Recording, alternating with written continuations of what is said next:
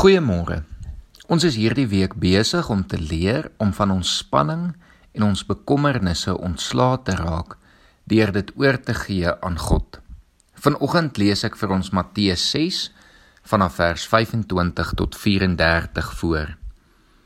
Daarom sê ek vir julle: Moet julle nie bekommer oor julle lewe, oor wat julle moet eet of drink nie, of oor julle liggaam, oor wat julle moet aantrek nie. Is die lewe nie belangriker as kos en die liggaam as klere nie?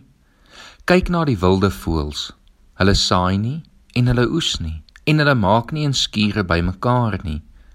Julle hemelse Vader sorg vir hulle. Is julle nie baie meer werd as hulle nie? Trouwens, wie van julle kan deur om te bekommer sy lewe met een enkele uur verleng? En wat bekommer julle julle oor klere? Let op hoe groei die veldlelies.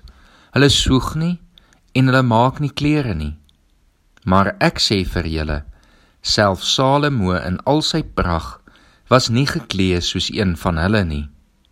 As God dan die gras van die veld wat vandag nog daar is en môre verbrand word, so versier, hoeveel te meer sal hy dan nie vir julle sorg nie, julle klein gelowiges. Julle moet julle dus nie bekommer en vra wat moet ons eet of wat moet ons drink of wat moet ons aantrek nie. Dit is alles dinge waaroor die ongelowiges begaan is. Julle hemelse Vader weet tog dat julle dit alles nodig het. Nee, beywer julle allereers vir die koninkryk van God en vir die wil van God en dan sal hy julle ook al hierdie dinge gee moet julle dus nie oor môre bekommer nie, want môre bring sy eie bekommernis. Elke dag bring genoeg moeilikheid van sy eie. In hierdie gedeelte wat deel uitmaak van Jesus se bergrede, kom Jesus en praat oor ons bekommernisse. Hy maak dit duidelik ons moet nie bekommerd wees oor baie dinge waaroor ons bekommerd is nie.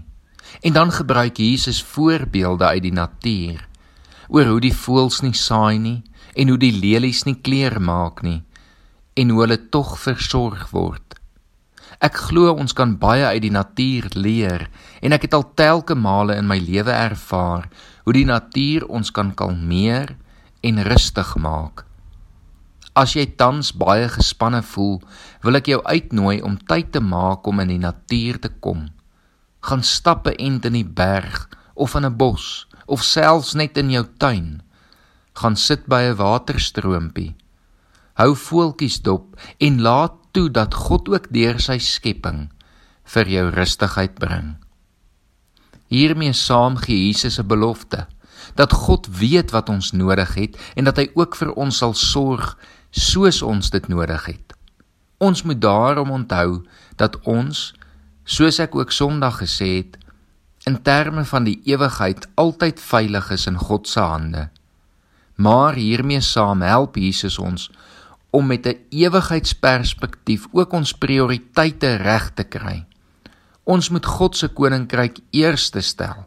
Ons moet eers aan God se koninkryk aandag gee en as ons dit doen, sal ons waarskynlik baie minder oor ons eie koninkryke bekommer. Waar lê jou prioriteite en waar lê jou aandag? Moet jy nie dalk 'n aanpassing maak en vir God vandag net weer eerste stel voor jy verder gaan nie? Kyk wat gebeur in jou lewe wanneer jy besluit om dit wel te doen en onthou dan dat as ons 'n Vader het wat vir ons lief is en vir ons sorg. Kom ons bid saam. Here, dankie ook vir u preek wat deur duisende jare behoue gebly het. Woorde van u self af wat dit vir ons duidelik maak dat ons nie bekommerd moet wees nie. Maar dat u vir ons sorg. Here, ons besef ook dat ons ons lewens so moet instel dat ons u eerste moet stel en u koninkryk ons eerste prioriteit moet maak. En daarom kom vra ons vandag, Here, om ons te help om hierdie perspektief in ons lewens te behou, om nie so bekommerd te wees oor ons eie lewens en ons eie sake nie, maar dat ons bekommerd sal wees oor u koninkryk en dat ons u koninkryk ons eerste prioriteit sal maak. Lei ons deur die Gees en help ons om wanneer ons dit doen, rustigheid en vrede by u te kry. Amen.